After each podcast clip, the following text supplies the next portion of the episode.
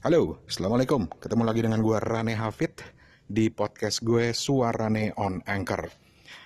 Kali ini gue mau beropini yang dipicu oleh baca macam-macam artikel dan juga hashtag atau tagar 2019 ganti presiden dan juga menyinggung soal bonus demografi.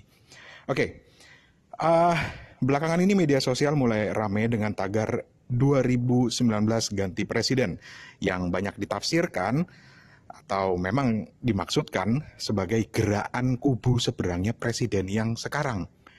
Ya paling tidak itu terlihat dari sosok-sosok yang ramai memakai tagar itu di media sosial. Nah, pertanyaannya sekarang, kenapa sih harus pakai tagar 2019 ganti presiden itu? Semua orang kan juga udah tahu kalau aturan konstitusi negara ini memang menegaskan bahwa setiap lima tahun kita memang kudu harus wajib ganti presiden. Udu. Bahwa apakah presiden yang sekarang mau nyalon lagi, ya itu kan juga hak konstitusional. Konstitusi negara kita kan membolehkan presiden dipilih untuk dua kali masa jabatan. Jadi bolehkah? Ya boleh dong ah.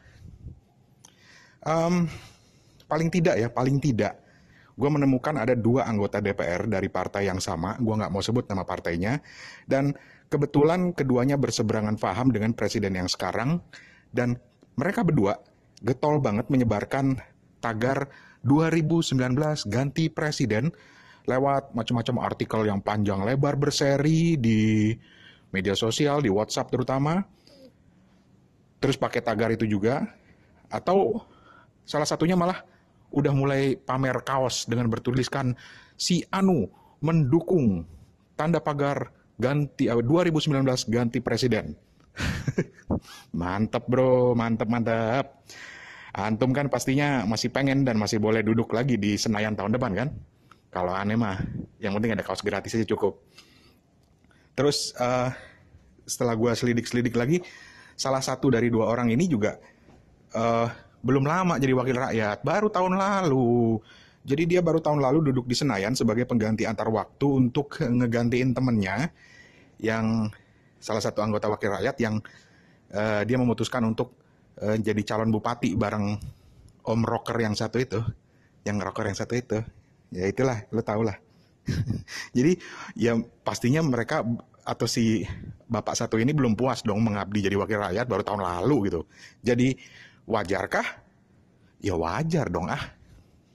Nah, karena itu, menurut gue nih, kalau masih mau pakai tagar 2019 ganti presiden, harusnya pakai juga dong tagar yang lain, yaitu misalnya 2019 ganti wakil rakyat. Biar lebih komplit cuy. Betul? Aduh, kawan-kawanku yang baik kita semua punya hak untuk mengabdi dengan cara masing-masing bagi negara ini, termasuk juga mau mengabdi di ranah politik. Tapi, ketika ngomong soal politik, konstitusi negara kita mengatur bahwa untuk bisa mengabdi, siapa pun harus melalui uji kelayakan yang namanya pemilihan umum telah memanggil kita. nah, uh, ngomong-ngomong soal pemilu, Pemilu tahun depan ini jadi sangat penting dibandingkan pemilu-pemilu lainnya yang sudah pernah terjadi di negara ini. Kenapa? Ini gue mau ngutip pernyataan si bapak anggota dewan yang rajin banget nyebar artikel berseri di WhatsApp dengan tagar 2019 ganti presiden. Panjang lebar dia menjelaskan poin-poin alasannya kenapa.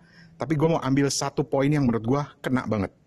Yaitu, enggak, bentar-bentar, gue baca dulu.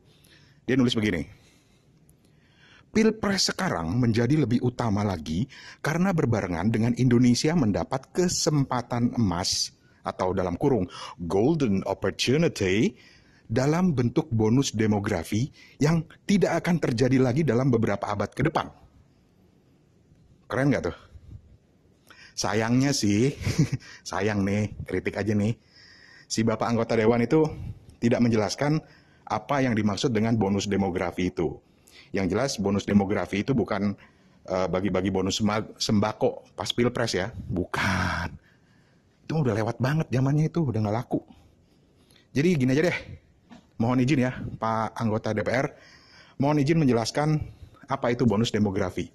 Jadi, bonus demografi adalah kondisi di mana dalam beberapa tahun ke depan, populasi usia produktif antara 15 sampai 64 tahun di Indonesia diperkirakan akan mencapai 70 persen cuy.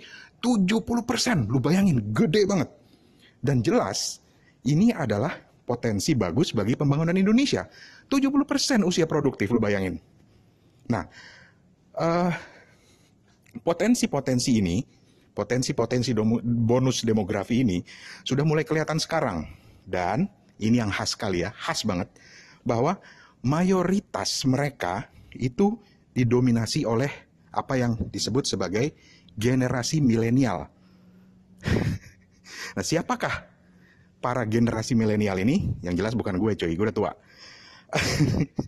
generasi milenial ini adalah generasi yang jauh lebih berpendidikan, kreatif, berpikiran terbuka, punya pergaulan yang sangat luas, Saking luasnya itu sampai lintas negara, lintas ideologi, lintas politik, lintas suku bangsa, dan lintas agama. Jadi, milenial ini adalah generasi yang kebal dari politik ketakutan dan politik pecah belah yang dulu banyak digunakan generasi pendahulunya, yang bahkan masih ada di pentas politik saat ini. Milenial ini adalah generasi yang capek deh ketika melihat pendahulu mereka bertarung dengan cara yang menurut mereka norak banget dan gak ada kreatif-kreatifnya. Milenial ini adalah generasi yang paham benar dengan internet dan perlu lebih dari sekedar kampanye tanda pagar atau hashtag untuk bisa merebut hati dan pastinya suara mereka. Capek gue ngomongnya. Jadi, kawan-kawan, rebutlah hati mereka para milenial, maka kalian akan merebut Indonesia di masa depan.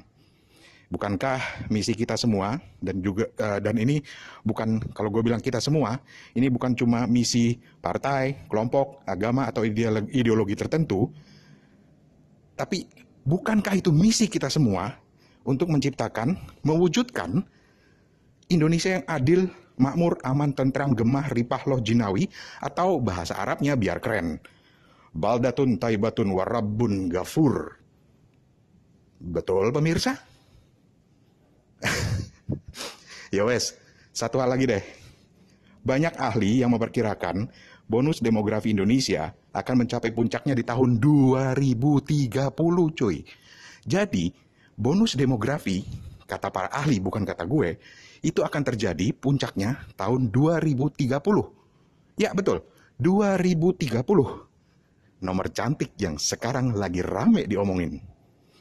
Tapi mendengar kenyataan ini, gue agak lega gitu loh. Bahkan gue bisa bilang, Alhamdulillah.